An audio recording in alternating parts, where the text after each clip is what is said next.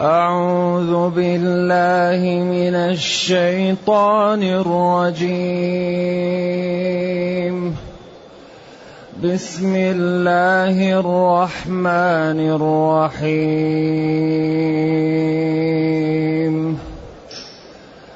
هل أتى على الإنسان حين من الدهر لم يكن شيئا مذكورا؟ إنا خلقنا الإنسان من نطفة أمشاج نبتليه. فجعلناه سميعا بصيرا. انا هديناه السبيل. انا هديناه السبيل اما شاكرا. إما شاكرا وإما كفورا. إنا أعتدنا للكافرين سلاسل وأغلالا. إنا أعتدنا للكافرين سلاسل وأغلالا وسعيرا. إن الأبرار يشربون من كأس كان مزاجها كافوراً. عينا يشرب بها عباد الله يفجرونها تفجيرا. عينا يشرب بها عباد الله يفجرونها تفجيرا. يوفون بالنذر ويخافون يوما. يوفون بالنذر ويخافون يوما. كان شره مستطيرا. ويطعمون الطعام على حبه مسكينا ويتيما ويطعمون الطعام على حبه مسكينا ويتيما وأسيرا. إنما نطعمكم لوجه الله لا نريد منكم جزاء.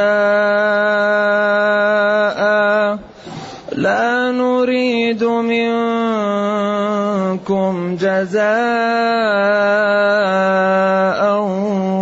ولا شكورا. إنا نخاف من ربنا ربنا إنا نخاف من ربنا يوما عبوسا قمطريرا فوقاهم الله شر ذلك اليوم ولقاهم نضرة وسرورا وجزاهم بما صبروا جنة وحريرا. متكئين فيها على الأرائك. متكئين فيها على الأرائك لا يرون فيها شمسا ولا زمهريرا ودانية عليهم ظلالها وذللت قطوفها تذليلا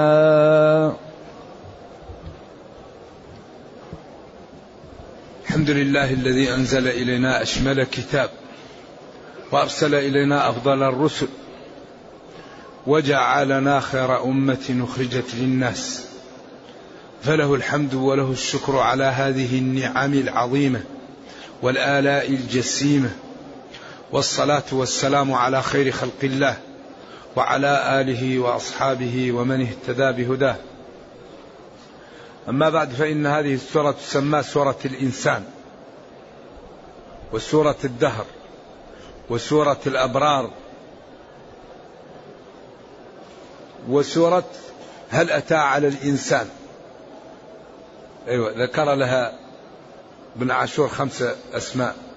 والمشتهر فيها سورة الإنسان وسورة الدهر. وجاء أن يقال لها هل أتى على الإنسان. وقد اختلف فيها العلماء إلى ثلاثة أقوال. وبعضهم قال هي مكية بكاملها. وبعضهم قال هي مدنية بكاملها. وبعضهم قال هي فيها مكي وفيها مدني. إذا هذه السورة من السور المختلف فيها. وقد سبق أن قلنا إن القرآن السور من حيث هي منقسمة إلى ثلاثة أقسام. قسم مدني باتفاق كالبقرة وآل عمران والنساء والمائدة والنور والأحزاب والأنفال والتوبة إلى آخره. وقسم مكي باتفاق كقرأ والمدث المزمل والأنعام والأعراف وهود وإبراهيم والحجر وقسم اختلف فيه كالرعد وكالرحمن وكالحج وكالسرى اللي عندنا وكالتطفيف والمعوذتين والزلزلة. قالوا مختلف فيه. ومعرفة المكي والمدني المقصود منها أن يعلم الناسخ من المنسوخ لأن المتأخر يرفع المتقدم. إذا كان الآيات في ظاهرها تعارض ولا يمكن الجمع بينه إلا بالترجيح فيكون المتقدم مرفوع بالمتأخر. لأن النسخ رفع الحكم المتقدم بخطاب متراخ عنه. يقول تقدمت البسملة. هل أتى على الإنسان؟ هل؟ حرف استفهام. للتصديق. وقيل هل هنا بمعنى قد.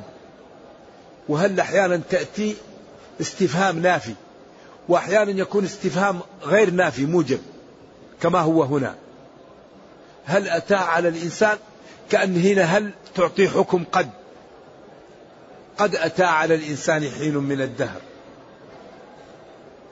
هل وجدتم ما وعد ربكم حقا؟ قد وجدتم ما وعد ربكم حقا. نعم. لكن فهل لنا من شفعاء يشفع لنا؟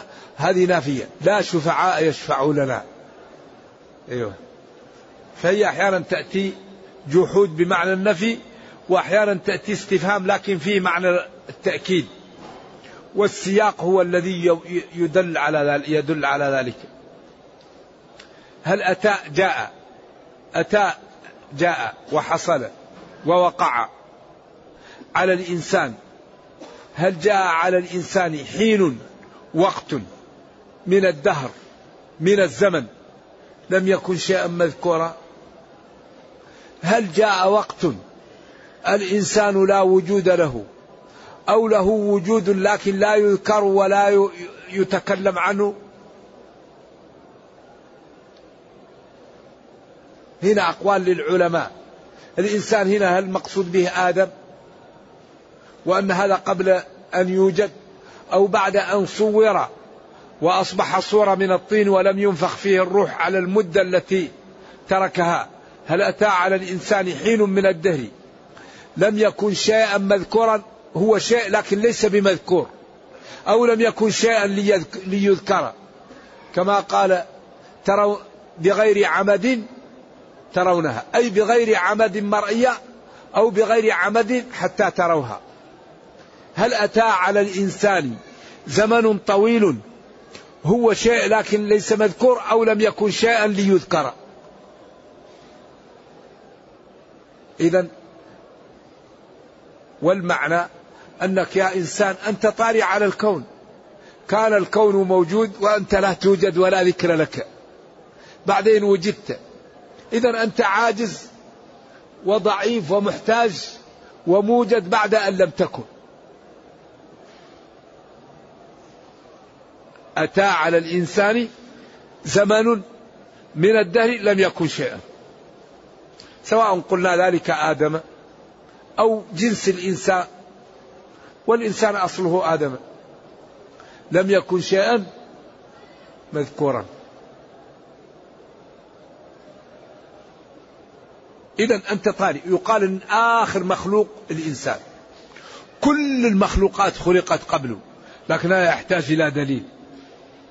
الإنسان كرمه الله وشرفه وخلق له ما في الأرض وجعله أكرم المخلوقات وأعطاه العقل وأعطاه الاستقامة وشرفه.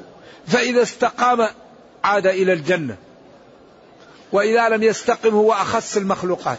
ثم رددناه أسفل سافلين لذلك الإنسان يشرف بالتقى يشرف بطاعة الله يشرف باتباع دين الله وينحط بالانحراف.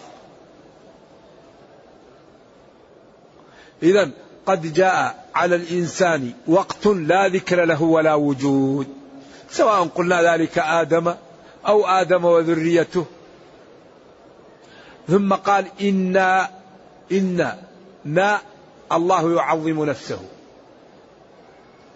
الله يقول إنا خلقنا لا غيرنا. الإنسان أبناء آدم من نطفة ماء قليل مهين. أمشاج أخلاط.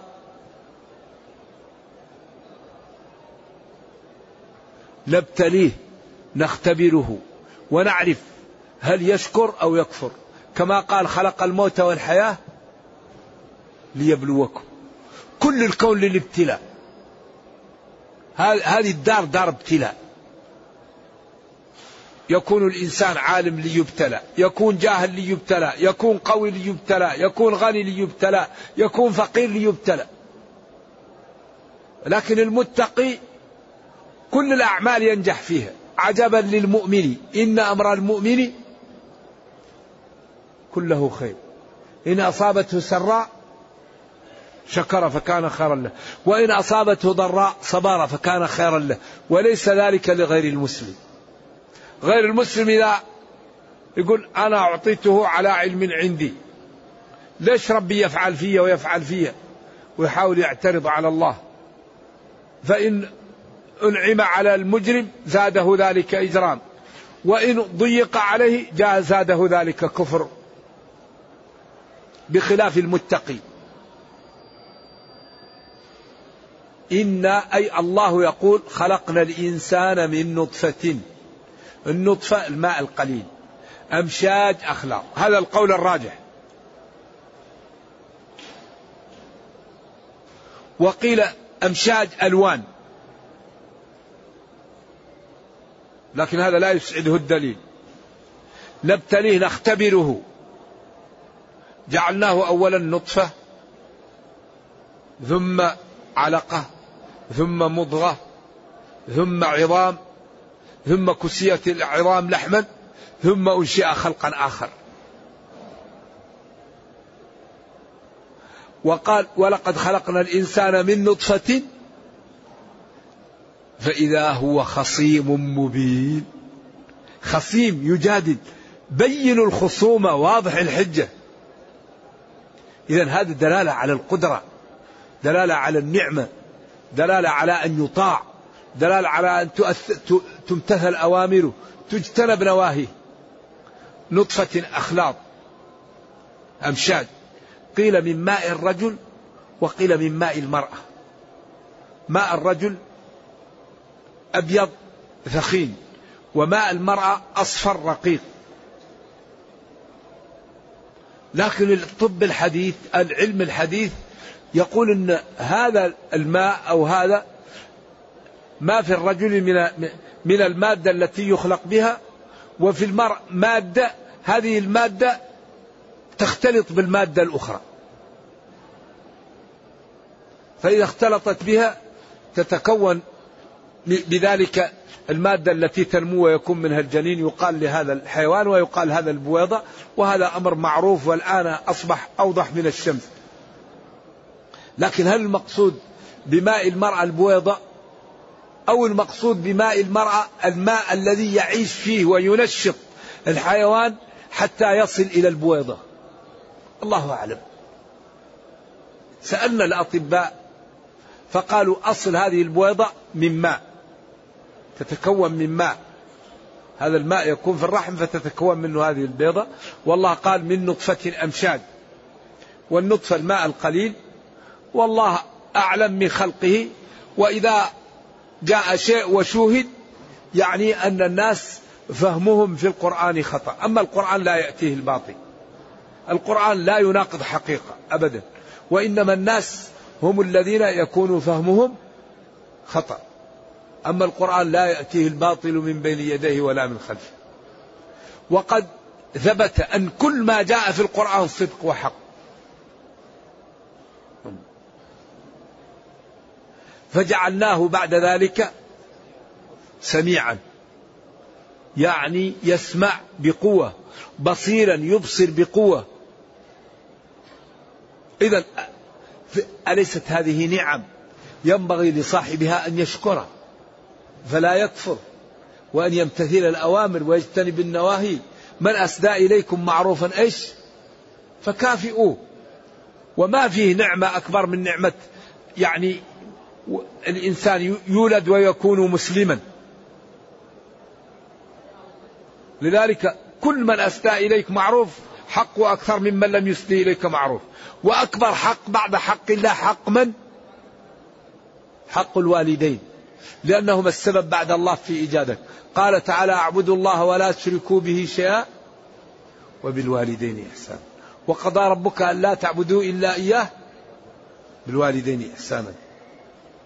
لأن الدين هذا مبني على أنك يعني تعلم أن الكون يحكمه قانون ونظام المنافع المبادلة. الذي يريد الفضل يشتغل والذي يريد الرفعة يعمل لها والذي يريد الوضع والدعاء يعمل لها يستريح.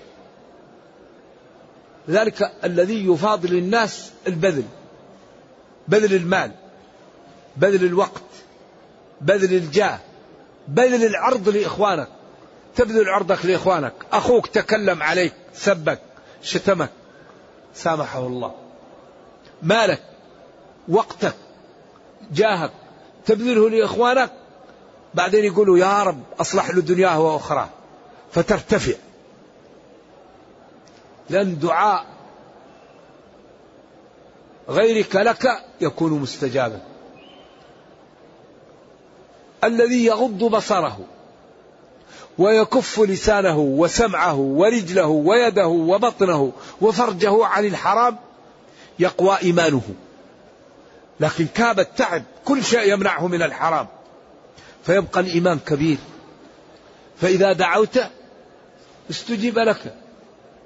وإذا عاداك شخص دمره الله لأنك أنت ولي من أوليائه من عادى لي وليا. لكن هذا لا يمكن ينال إلا بماذا إلا بالمكابدة. والذين جاهدوا فينا والذين جاهدوا. لا يمكن واحد بين عشية وضحاها يكون تقيا. لا بد أن تكابد موارد العلم وتستعملها في شكر الله. بعدين تنال التقى. موارد العلم ما هي؟ ذكرها الله في سورة النحل ثلاثة. قال جل وعلا والله أخرجكم من بطون أمهاتكم لا تعلمون شيئا وجعل لكم السمع والأبصار والأفئدة لعلكم تشكرون. أعطاك موارد العلم؟ تنظر في المصحف تسمع القرآن. كيف أنقذ نفسي من النار؟ كيف ننقذ والدي؟ كيف ننقذ جيراني؟ كيف نترك لي بصمات؟ ونترك لي مشاريع لديني ولأمتي قبل أن نموت؟ كيف أكون إنسانا؟ يعني كما قال ابن دريد حديثا حسنا لمن وعى. كيف أكون يعني أترك لأمتي ولديني معلما؟ ينفع الله به البلاد والعباد وينفع فيه الإسلام. لأنه وجعل لنا هذه لنشكره. إذا فجعلناه فجعلناه. هذه الفاء تفريعية مومئة. هل أتى على الإنسان حين من الدهر؟ لم يكن شيئا مذكورا. إنا خلقنا الإنسان من نطفة أمشاج نبتليه. إيش؟ فجعلناه. نبتليه نختبره. فلعلة ذلك ولأجله جعلناه سميعا بصيرا.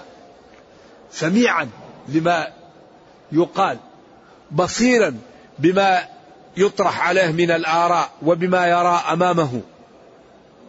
بعدين قال إنا هديناه السبيل. هديناه السبيل. أعطيناه من العلم ما به يعرف طريق الخير وطريق الشر.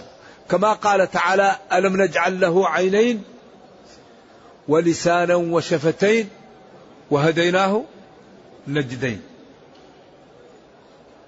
جعلناه سميعا بصيرا. إنا هديناه الطريق. هذه الطريق وهذا بصرك. أمامك حفرة تجنبها. أمامك جبل لف عنه. أمامك شوك أمامك شجرة أمامك طريق سليم أمشي معها. وهذا مشكل هذا. لأن العبد لا يعلم ما كتب له. والذي يختاره يختاره عن طيب نفس وعن إيش؟ وعن اختيار. ولا يعرف ما كتب له. ولذلك لا يكفر إنسان إلا باختياره. والله تعالى خلقنا وما نعمل والله خلقكم وما تعملون. إن الله لا يظلم الناس شيئا ولكن الناس أنفسهم يظلمون. ولذلك قال وما كنا معذبين حتى نبعث رسولا. وقال رسلا مبشرين ومنذرين لأن لا يكون للناس على الله حجة بعد الرسل. وقال في حق أهل النار كلما ألقي فيها فوج سألهم خزنتها. ألم يأتكم نذير؟ قالوا بلى. قد جاءنا نذير فكذبنا. محل إضمار أظهر. قالوا بلى قد جاءتنا لكن لا. جاءنا نذير فكذبنا. وكل إنسان ألزمناه طائره في عنقه. ونخرج له ويخرج له. يوم القيامة كتابا يلقاه منشورا اقرأ كتابك. كفى بنفسك اليوم؟ لكن الشقي من شقي في بطن أمه والسعيد من سعيد في بطن. إذا جاء الملك يكتب شقي سعيد. الشقي يهيئه الله لأعمال الشقاوة والسعيد يهيئه الله لأعمال السعادة. ولما نزلت آية الحديد قالوا ففيما العمل يا رسول الله؟ ماذا قال؟ اعملوا اعملوا اعملوا فكل سر لما خلق في الصحيحين إن الرجل لا يعمل بعمل أهل الجنة فيما يبدو للناس.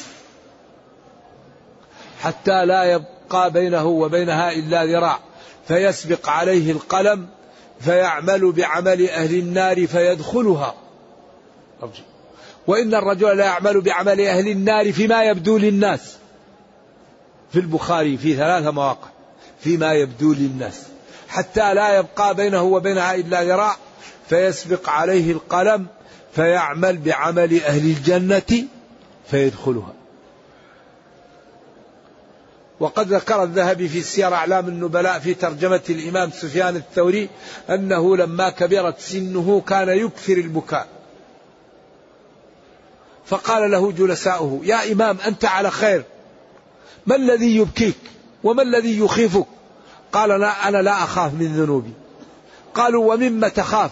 قال نخاف أن يؤخذ إيماني قبل أن نموت. نخاف من سلب الإيمان أن يؤخذ الإيمان قبل الموت. وكان عمر يخاف وأبو بكر وكبار العلماء يخافوا من هذا. نرجو الله تعالى أن لا, يسلو أن لا ينزع إيماننا عند الموت وأن, وأن نموت ونحن على الإيمان. ويكون آخر كلامنا لا إله إلا الله. لأن هذه هذه السابقة لا يعلمها إلا الله. لذلك الإنسان ينتبه من البطر ومن السخرية ومن الاستهزاء ومن الاستهتار. أبو لهب لما قال لابن أخيه تبا لك سائر اليوم دعوتنا ماذا قال له ربه. تبت يدا أبي لهب وتب. ما أغنى عنه ماله وما كسب. سيصلى نارا. ذات لهب. وهو يسمع. لم يستطع أن يقول لا إله إلا الله. لأنه عياذا بالله كتبت له الشقاوة. مخيرق ما صلى. مخيرق اليهودي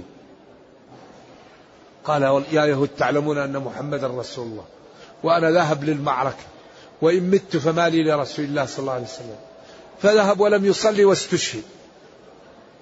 قزمان من أهل النار. قزمان مولى. بلاء يوم خيبر وعمل وعمل وعمل. قال هو من أهل النار. فقال لهم أحد الصحابة أنا لكموه اليوم. تزلزل الصحابة. قالوا قتل قالوا لم يقتل. فأثخنته الجراحة فقال إنه كان يقاتل حمية واتكأ على نفسه وقتلها. قال اعلموا أنه لن يدخل الجنة إلا نفس مؤمنة. ما في. لابد من الإيمان للجنة. لابد من الإيمان يكون في القلب. من لا إيمان له لا طمع له في الجنة. بعدين قال إنا إما شاكرا وإما كفورا. إذا ولذلك القرآن يسير في دوائر. هذه الدوائر أحيانا تتوسع وأحيانا تضيق. ولذلك قلنا إن موضوعات القرآن التي جاء يعالجها سبعة. لا يخرج القرآن عنه. توحيد. وأكثر شيء في القرآن التوحيد. لا يوجد شيء عالجه القرآن مثل التوحيد. وما من إله إلا إله واحد. فمن يكفر بالطاغوت ويؤمن بالله؟ اعبدوا ربكم. بعدين قال فلا تجعلوا لله أندادا. أكثر شيء في القرآن التوحيد. ولذلك أول أمر في المصحف اعبدوا ربكم. وأول نهي في المصحف فلا تجعلوا لله أندادا. وهذين الإنشائين يعني الأمر والنهي هو معنى لا إله إلا الله مفرقة بأدلتها. ذلك هذا القرآن موضوع في قوالب لا تقبل إلا التسليم والمكابرة. التوحيد النبوات الميعاد الأحكام الوعد الوعيد القصص. هذه دوائر. القرآن جاء ليبين هذه الأمور السبعة. تأتي دوائر. والنتيجة النهاية اعبدوا الله وصدقوا بمحمد صلى الله عليه وسلم. واعلموا أن من اتقى دخل الجنة وأن من كفر دخل جهنم. كلها يعود إلى هذه الثلاثة. هذه السبعة تأتي لكن النهاية هذه النقاط الثلاثة. لذلك هذا هذا هذا الدين موضوع في على أسس وعلى وعلى وعلى طريق لا تقبل إلا التسليم. بس ينبغي لنا أن نزيل عن عن عن عن, عن الدين هذا الغبش وهذا الغبار وهذا الظلام. الذي وضعه عليه المسلمون بعدم ممارستهم له وتمثلهم له. فأصبحوا يحولون بين الناس وبين المسلمين. لأن هذا الدين محلول فيه كل شيء. كل شيء جميل يدعو له للدين. وكل شيء سيء ينهى عنه الدين. لا تظلم لا تكذب لا تسرق لا تزني لا ترابي. تصدق انفق اعفو اصلح. افعلوا الخير لعلكم تفلحون. مجمع الفضيلة. فإذا قرأ القارئ يقول ما أجمل هذا الدين وما أنجعه لحل مشاكل أهل الأرض. فإذا نظر إلى المسلمين وجد الربا الرشوة الظلم. يقول إذا لو كان الدين حق لاتبعه أهله. قال تعالى ربنا لا تجعلنا فتنة للذين كفروا. أي لا تجعل عملك فينا سببا في صد غير المسلمين عن الدخول في الإسلام. والقضية تكون أعظم لمن يخالط الكفار. إن الشرائح من المسلمين التي تعيش مع الكفار أمان فيها الانضباط. عدم السرقة عدم الظلم عدم شرب الخمر عدم أكل الميتة عدم مخالطة الأجنبيات الذي يعايش من المسلمين الكفار أمان فيه ينضبط. لأن ذنبه ينعكس على على الكفار وينفرون من الإسلام. أما الذي يعيش بين المسلمين إذا عمل جريمة يعلم المسلمون أن هذا لا يدعو لها الدين. إذا لا بد للشرائح التي تخالط الكفار من المسلمين أن تنضبط. هذا هذا لأنها إذا لم تنضبط تسبب للناس الغير مسلمين النفرة من الإسلام وكراهية للدين. وهذا لا ينبغي. أولا ينبغي أن تحسنوا على جيرانكم. وأن تفهموهم الدين بأخلاقكم قبل أقوالكم. عندك جار؟ احسن إليه. قل له الإسلام يدعوني إلى أن نحسن إليه. الإسلام يدعوني إلى أن لا نظلمك. لكن الإسلام يمنعني من أن أشرب الخمر أن نأكل لحم الخنزير أن نأكل الميتة أن نخلو بأجنبية نعلمه الدين. إذا جاءت امرأة تسلم علي نقول لها أهلا وسهلا. الإسلام يمنعني من أن نصافحك. حياك الله لكن لا أستطيع أضع يدي في يدك. لأن الله يقول قل للمؤمنين إيش؟ من باب أحرى اللمس. إذا كان مطالب المسلم بغض البصر هل يلمس؟ كما قال فلا تقل لهما أف هل نضربهم؟ إذا هذا من باب أحرى ذلك النبي صلى الله عليه وسلم ما صافح أجنبية كان يبايع النساء لم يثبت أنه صافح امرأة أجنبية عليه. لا يصافح النساء. والدين أهم شيء ينشر الإسلام ويرفعه السلوك. السلوك.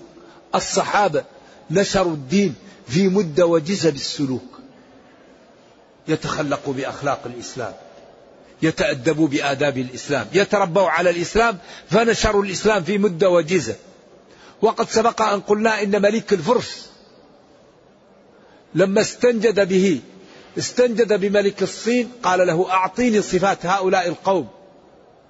قال له هم في الليل رهبان وفي النهار فرسان. ولا تفرق بين الرئيس والمرؤوس. وإذا فتحوا بلدا قسموا المال بين الفقراء. وأمنية الواحد منهم أن يموت. كل واحد منهم يتمنى أن يموت. فقال له أعطيهم ما سألوك. هؤلاء لا طاقة لأحد من أهل الأرض بهم.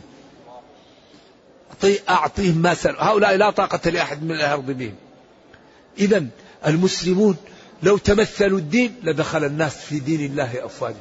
وبالأخص أن هؤلاء الكفار كثير منهم يساعدوننا. فإذا جاء المسلم مضطهد في بلده أكرموه وساعدوه وعالجوه وأعطوه مالا فلا نكافئهم إلا بإنقاذهم من النار. هؤلاء يجب أن نشكر الله ثم نشكرهم بأن نجتهد عليهم حتى ندخلهم الجنة فيدخلوا في الإسلام ولا فائدة من أن نذهب نحن وهم إلى النار. يجب أن نكافئهم بأن نجتهد عليهم حتى ننقذهم من النار. نفهمهم الدين بأخلاقنا وبسلوكنا وبأن كل مشكلة في الكون محلولة في هذا الدين. هذا الدين كل شيء محلول فيه. لا أقول هذا عاطفة. الله يقول ونزلنا عليك الكتاب تبيانا لكل شيء. ويقول ومن أصدق من الله قيلا. تبيانا لكل شيء. كل قضية محلولة في الإسلام. إذا لما لا نعالج قضايانا من ديننا؟ أي قضية محلولة في الإسلام؟ لذلك أمورنا الكبيرة مبينة. أعدوا ولا تنازعوا. أوامر معطلة ونواهي منتهكة. هذا الذي قوض العالم الإسلامي. أوامر معطلة. أعدوا تعاونوا كونوا مع الصادقين. نواهي منتهكة. هذا هو الذي قوض العالم الإسلامي. مليار وستمائة مليون في المحافل يحجر عليه. السبب أوامر معطلة ونواهي منتهكة.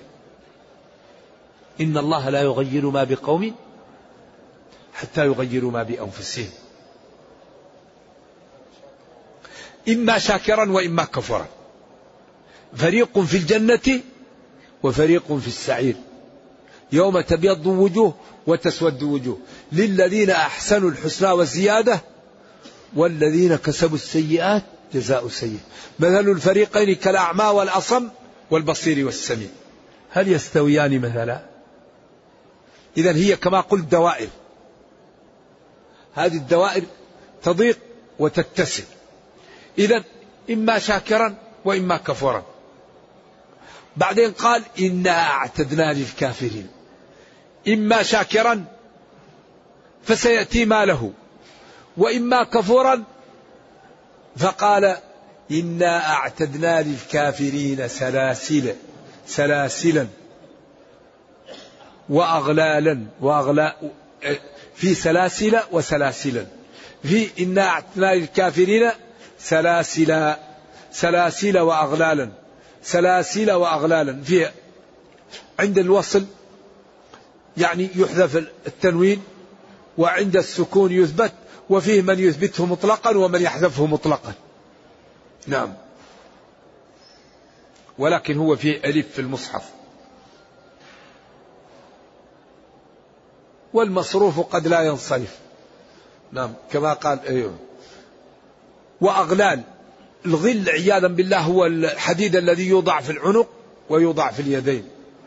إنا أعتدنا هيأنا للكافرين سلاسل جمع سلسلة وأغلال التي توضع في الرقبة. وسعير نار مسعرة حارة إذا هذا الوعيد للكفار. هيأ للكافرين ثلاثة. أغلالا. سلاسلا وأغلالا وسعيرا. سلسلة عياذا بالله يدخل فيها. زي زي زي الخرزة نرجو الله السلام والعافية. ثم يربط فيها. وأغلال توضع في عنقه وتشد على يديه. وسعير نار يدخل فيها. كما قال في عمود أو عمد ممدة. يدخل في العمود ويملأ من النار ويدخل في السلسلة ويربط في السلسلة ويصمت عليه. نرجو الله السلام والعافية. إن الأبرار ولذلك سورة الأبرار هذه جمع بر أبرار. البر الذي لا يقول إلا طيب ولا يتكلم إلا بطيب ولا ينظر إلا طيب ولا يسمع إلا طيب ولا يأكل إلا طيب ولا يشرب إلا طيب ولا يمشي إلا لطيب. فالبر هو الذي كل عمله طيب. لا يخرج من فيه إلا كلام طيب ولا يمشي برجله إلا لمحل طيب ولا يلمس بيده إلا طيب ولا ينظر بعينه إلا طيب ولا يسمع بأذنه إلا طيب ولا يفكر إلا طيب. هذا هو البر. لا يعمل حرام. ولا يتخلف عن واجب. لفي نعيم. إن الأبرار يشربون من كأس. الكأس الإناء الذي فيه الشراب. إذا لم يكن فيه شراب لا يقال له كأس. كأسا دهاق ممتلئة كان مزاجها مخلوطة بالكافور وهو نوع من العطر جميل. يكون يعني مخلوط ومقرب من هذا الإناء. فإذا أراد الشخص أن يشرب منه مع لذته يشم منه رائحة جميلة جدا. وقيل الكافور هذا عين تسمى الكافور. عينا. هذه العين يشرب بها عباد الله. قالوا يشرب مضمن معنى يروي أو قال بها بمعنى الباء. يشرب يعني الباء بمعنى من. إذا للعلماء في هذا الأسلوب قولان. قول نصره شيخ الإسلام بن تيمية ولعله مذهب البصريين أن الحروف جامدة ولا ينوب بعضها عن بعض وأن الذي ينوب عن بعض هي الأفعال فيشرب مضمن معنى يروى يروى أو يمتلي. أما جمهور العلماء ومنهم بن مالك ومنهم غيره قالوا الحروف تتعاور ينوب بعضها عن بعض ولذلك تكون الباء هنا بمعنى إيش؟ بمعنى من يشرب بها يشرب منها. إذا هذا قولان لعلماء العربية وكلهم له وجه. نعم والأمر سهل. يشرب منها عباد الله يفجرونها يعني يأتون بها و و وتأتيهم في أي جهة أرادوا. تتفجر لهم. في البيت في الساحة في محل في هذه الغرفة في أي محل يريدونها تتفجر لهم يفجرونها. تفجيرا تأكيد. إذا هؤلاء الأبرار الذين يشربون من هذه الكأس من هذه العين الذي مزاجها هذا الرائحة الطيبة هذا الزنجبيل وهذه العيون تأتيهم في أي محل أرادوه. هؤلاء كانوا في الدنيا يوفون بالنذر. يوفون بالنذر. هل النذر المقصود به النذر المعروف أو المقصود به القيام بتكاليف الشريعة؟ هل النذر هنا المقصود به أنهم إذا نذروا نذرا وفوا به أو النذر هنا أعم من النذر المعروف وهو ما أوجب الله على الخلق كما قال أوفوا بعهدي أوفي بعهدكم. يوفون بما أوجب الله عليهم من كل التكاليف يوفون به. أو المقصود بالنذر النذر المعروف من نذر أن يطع الله فليطعه ومن نذر أن يعصي الله فلا يعصيه. الإنسان إذا نذر أنه يشرب الخمر لا يجوز له أن يشرب الخمر. إذا نذر أن يفعل الفاحشة لا. لكن إنسان نذر أن يعمل عمرة أو يحج يفي بنذره نذر أن يصوم يصوم. نذر أن يتصدق يتصدق. فإن عجز فكفارة النذر يمين. أيوة هذا عند العلماء. أيضا يوفون بالنذر. يلتزمون بما ألزموا به نفوسهم أو ألزمتهم به الشريعة. كما قال هناك في أول المائدة يا أيها الذين آمنوا أوفوا بالعقود. العقود الشرائع كلها. عقد بينك وبين الله عقد بينك وبين الناس عقد بينك وبين نفسك. كل العقود أوفي بها. نفسك أمانة فيك. لا تشرب السم. لا تعمل شيء يكلم عرضك.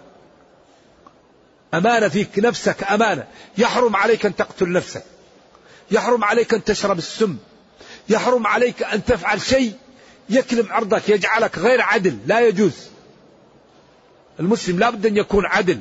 فإذا عمل شيئا يقدح العرض يكون ليس بعدل. فإذا جاء للقاضي يجرح يقال فلان ليس بعدل لا تقبل شهادته. لا يجوز للمسلم أن يفعل فعل تنزل به عدالته لا يوصف بالعدالة هذا لا يجوز. ذلك هذا الدين دين رائع. يعني يجعلك عرضك ونفسك سوا لا بد أن تحافظ عليهم. لا يجوز لك أن تعمل شيء يكلم عرضك ولا شيء يضر بدنك. ويخافون يوما يوما تنكير للتعظيم. كان شره مستطيل لا نهاية له. يوم القيامة يوم القيامة تذوب الجبال وتتشقق السماء وتتفجر سجرت البحار. هل سجرت فرغت من الماء أو ولعت فيها النار أو فتحت على بعض وأصبحت الجبال كالرملة كثيب مهيد وتشقق السماء. يوم شره خطير شره مستطير. ولذلك هذا اليوم قال الله اتقوا يوما. هذا اليوم ينبغي للإنسان أن يخافوا وأن يطيع ربه لينجو من أهواله. ويطعمون الطعام على حبه. الله أكبر. على حبه هذا يسمى الاحتراس. لأنه لو لم يقل على حبه إذا أحد إذا شبع. يمكن يتمنى من يأتيه ليأخذ الطعام. لكن قال على حبه. يعني هو جوعان ويطعم الطعام. يؤثرون على أنفسهم ولو كان بهم خصاصة. لأن يتيما مفعول يطعمون. وعلى حبه جاءت معترضة حتى لا يفهم أنه يطعمه لأجل الشبع أو لعدم الاحتياج. لا لأجل مخافة الله ومحبة المنازل العليا. يطعمون الطعام مع محبتهم له لرضا الله وللمنازل العليا يوم القيامة. هذا يسمى الاحتراس. هذا إطناب بالاحتراس نعم. على حبه يتيما مسكين وهو الذي لا يجد ما يكفيه. ويتيم وهو الذي مات أبوه صغيرا. وأسير هو الذي أسر قيل هذا المقصود به أسير الكفار وقيل أسير المسلمين وقيل المسجون وقيل الجميع. كله يمكن يدخل تحت الأسير. من لا تصرف له سواء كان بالأسر وسواء كان بالسجن أو بغير ذلك. من قيدت حركته وأسير قالوا الكافر حتى إذا كان أسيرا يكرم ولا يهان. والمسلم إذا كان أسيرا من باب أولى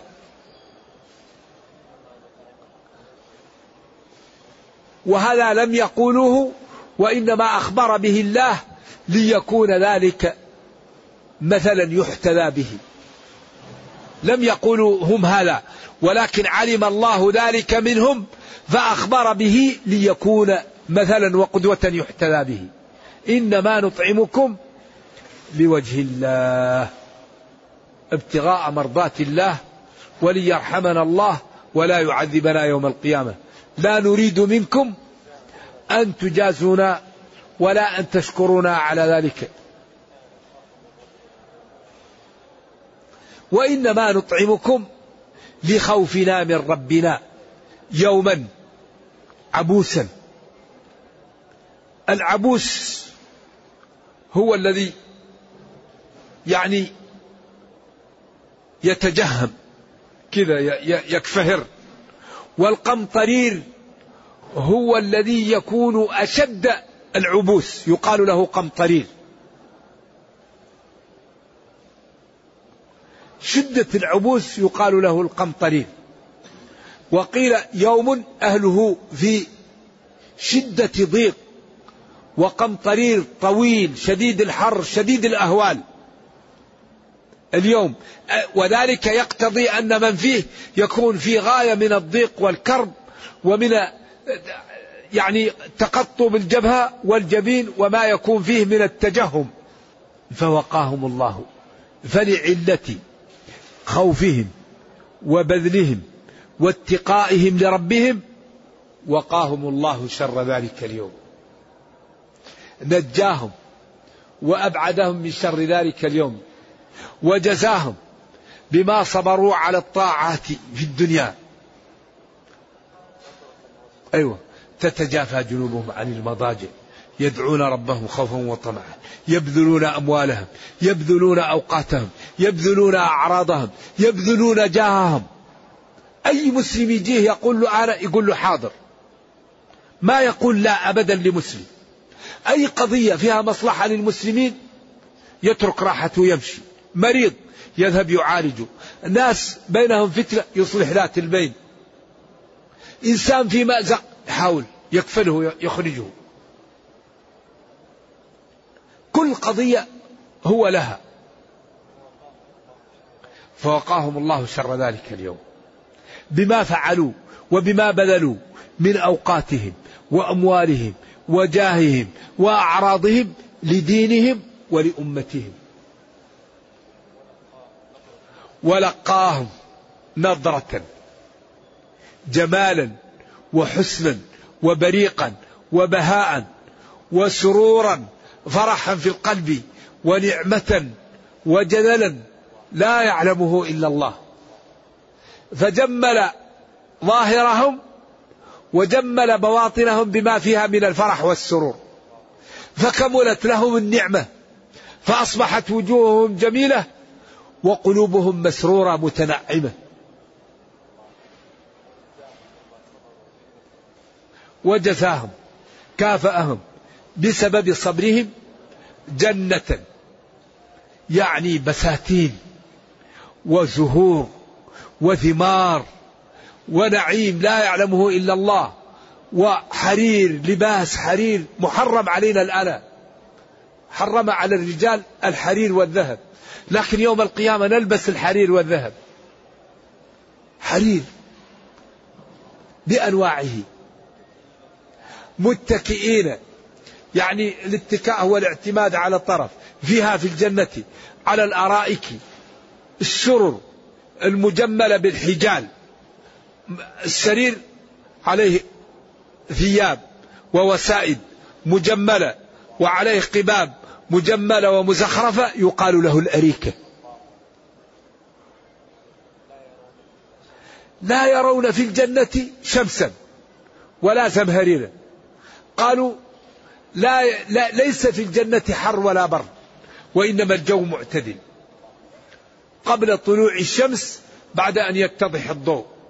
لا حر ولا برد دانية عليهم ظلالها هذا تعبير عن قرب الأغصان وقرب الفواكه لأن الجنة ما فيها شمس. ولكن دانية عليهم أغصانها فعبر عن الأغصان بالظلال و و ولذلك الجنة فيها الأغصان وهذه الأغصان تأتيك على قدر الحاجة. إن كنت واقف تأخذ منها وأنت واقف. كنت جالس تأخذ منها وأنت جالس. كنت نايم مضجع تأخذ منها وهي مضجع الغصن يأتيك على قدر الطريقة اللي تأخذ منه. فيها ما تشتهيه الأنفس وتلذ الأعين وأنتم فيها خالدون. أليس من السفة؟ الإنسان ما يعمل ليكون من أهل الجنة. أليس من, أه... من السفة أن الله تعالى بين لك الجنة وأسباب دخولها وبين لك جهنم وأسباب دخولها تذهب وتكون من أهل النار. أليس هذا سفة؟ أليس هذا جنون؟ إذا لا عذر لنا بعد هذا البيان. لا عذر. فينبغي لنا أن نجتهد وينبغي لنا أن ننقذ البشرية. ننقذ سكان الأرض من النار. وهذا نعمله بتمثل الدين. بس. إذا تمثلنا الدين كل سكان الأرض دخلوا في الإسلام. كل واحد منا يتمثل الدين على قدر ما يستطيع. ينظر نظرة المسلم يمشي مشية المسلم يبيع بيع المسلم ينام نوم المسلم يلبس لباس المسلم. كل واحد منا يلبس الدين فيدخل العالم في دين الله أفواجا وهذا شيء سهل ولا يكلفنا كثير وإذا اضطررنا أبواب الأمان مفتحة. أي شيء نضطر له مباح. وقد فصل لكم ما حرم عليكم إلا ما اضطرتم إليه. وما جعل عليكم في الدين من حرم. نرجو الله جل وعلا أن يرينا الحق حقا ويرزقنا اتباعه وأن يرينا الباطل باطلا. ويرزقنا اجتنابه وأن لا يجعل الأمر ملتبسا علينا فنضل. اللهم ربنا أتنا في الدنيا حسنة وفي الآخرة حسنة وقنا عذاب النار.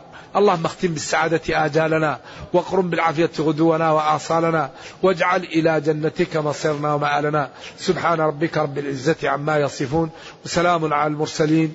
الحمد لله رب العالمين وصلى الله وسلم وبارك على نبينا محمد وعلى آله وصحبه والسلام عليكم ورحمة الله وبركاته.